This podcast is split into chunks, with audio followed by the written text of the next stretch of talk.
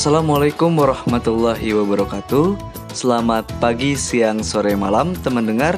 Bagaimana puasanya? Lancar sampai akhir Ramadan ini? Ya, semoga tetap lancar sampai nanti kita menyambut kemenangan bersama ya. Oke, kali ini aku akan membawakan segmen kalam yang terakhir nih. Dan kisah yang akan kuceritakan adalah tentang sahabat Rasulullah Shallallahu Alaihi Wasallam, Usamah bin Zaid.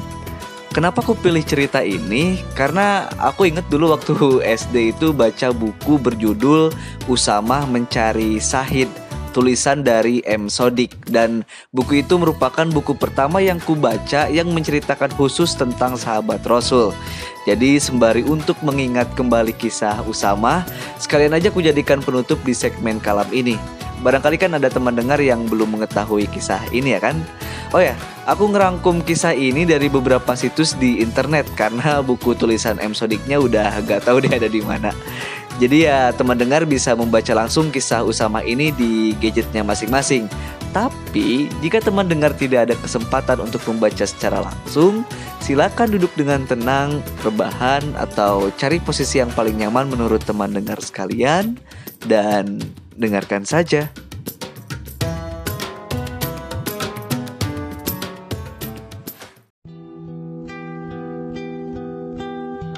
Usamah bin Zaid adalah salah satu sahabat Nabi Muhammad Wasallam. Ayahnya bernama Zaid bin Harits dan ibunya bernama Ummu Aiman yang merupakan seorang pelayan dari ayah Nabi Muhammad Wasallam yaitu Abdullah bin Abdul Muthalib. Setelah melayani ayah Nabi Muhammad, Zaid berganti melayani Nabi Muhammad Shallallahu Alaihi Wasallam. Saat Zaid masih kecil, ayah dan pamannya pernah datang menjemputnya ke Mekah. Keduanya ingin menebus dan membebaskan Zaid dari perbudakan. Tapi ternyata Zaid menolak untuk ikut bersama ayahnya. Ia lebih memilih tinggal bersama Rasulullah Shallallahu Alaihi Wasallam. Karena itulah Rasulullah sangat mencintainya. Rasulullah membebaskannya dari status budak dan mengangkatnya sebagai anak. Kedudukan Zaid di sisi Rasulullah juga terbawa pada anaknya Usama.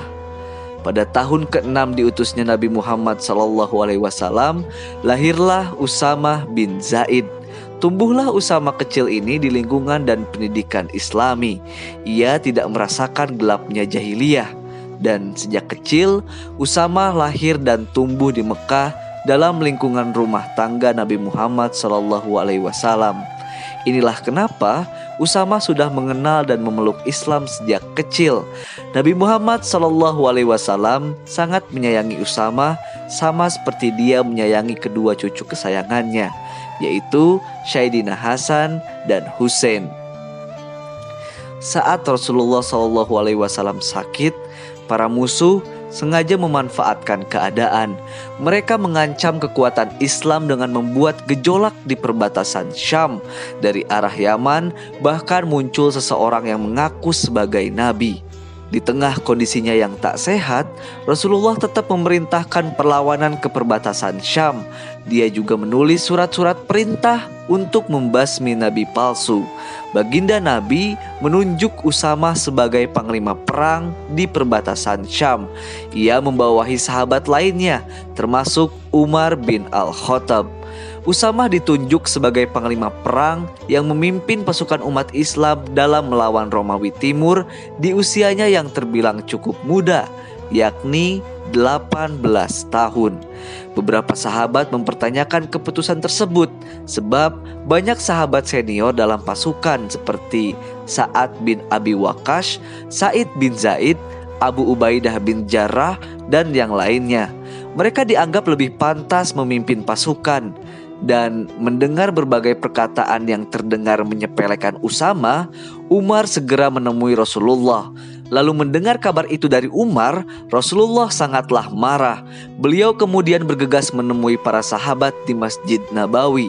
Nabi Muhammad Shallallahu Alaihi Wasallam lalu bersabda, "Wahai sekalian manusia, aku mendengar pembicaraan mengenai pengangkatan Usama Demi Allah, seandainya kalian menyaksikan kepemimpinannya, berarti kalian menyaksikan juga kepemimpinan ayahnya, Zaid bin Harits.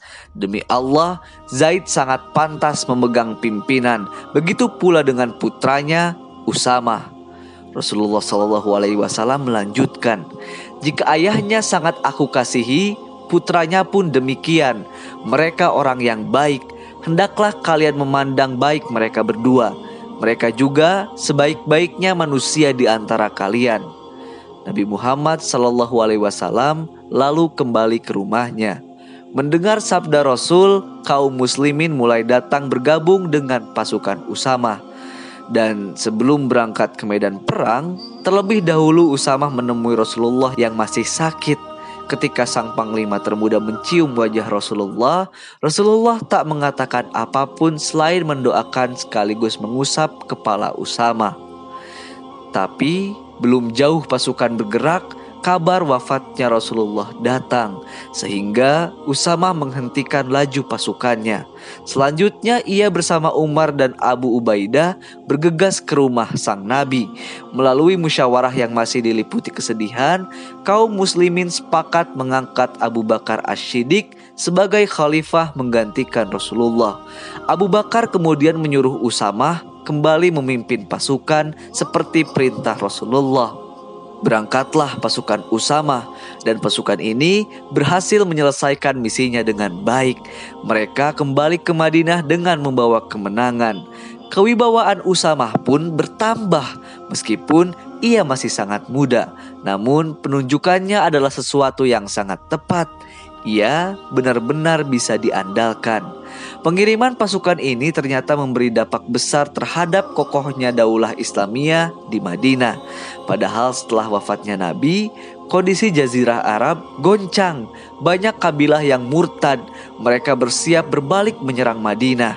Ternyata pasukan yang keluarnya dikira akan melemahkan materi kaum muslimin di mata musuh, malah sebaliknya.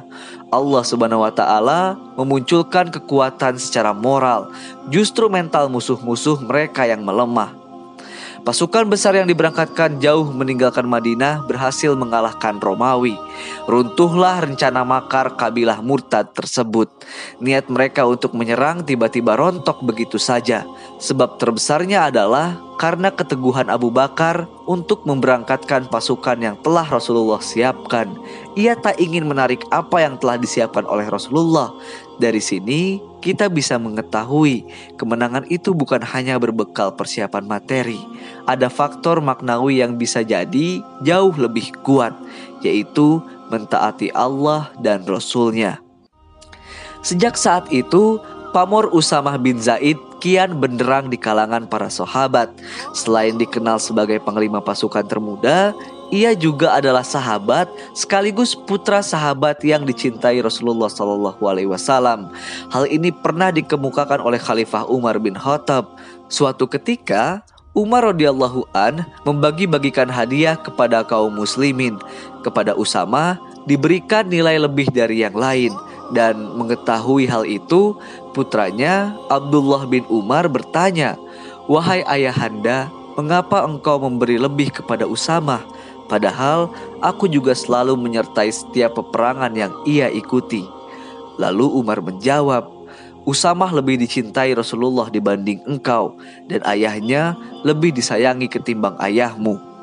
Sekilas ucapan Umar itu tampak berlebihan, tapi sebenarnya tidak. Selain menunjukkan ketawaduan Umar sendiri, apa yang ia ucapkan cukup beralasan. Usamah adalah putra Zaid bin Harits Zaidlah satu-satunya sahabat yang pernah menjadi anak angkat Rasulullah dan namanya tercantum dalam Al-Quran surah Al-Ahzab ayat ke-37.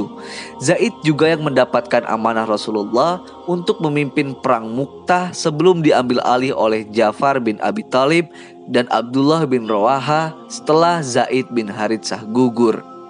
Sedangkan ibunya Ummu Aiman merupakan mantan pengasuh Rasulullah Shallallahu Alaihi Wasallam.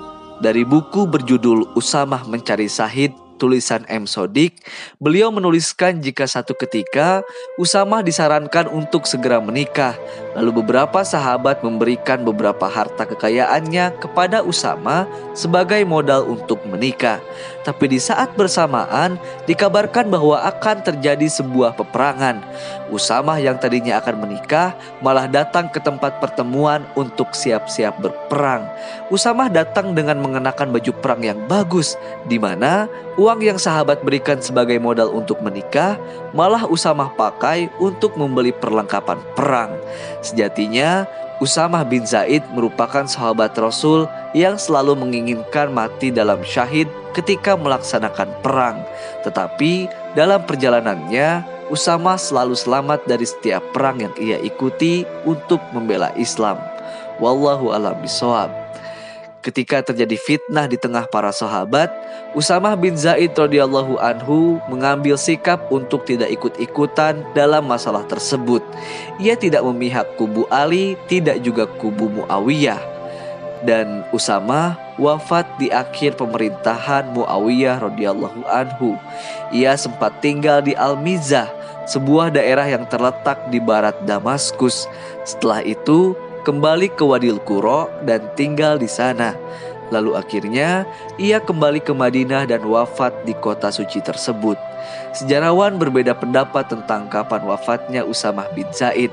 Ada yang berpendapat ia wafat pada tahun 54 Hijriah dan ada pula yang mengatakan ia wafat pada tahun 61 Hijriah.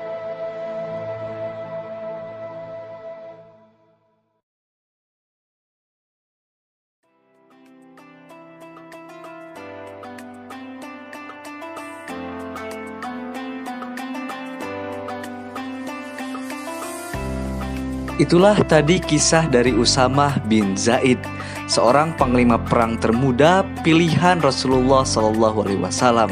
Wah, keren banget ya.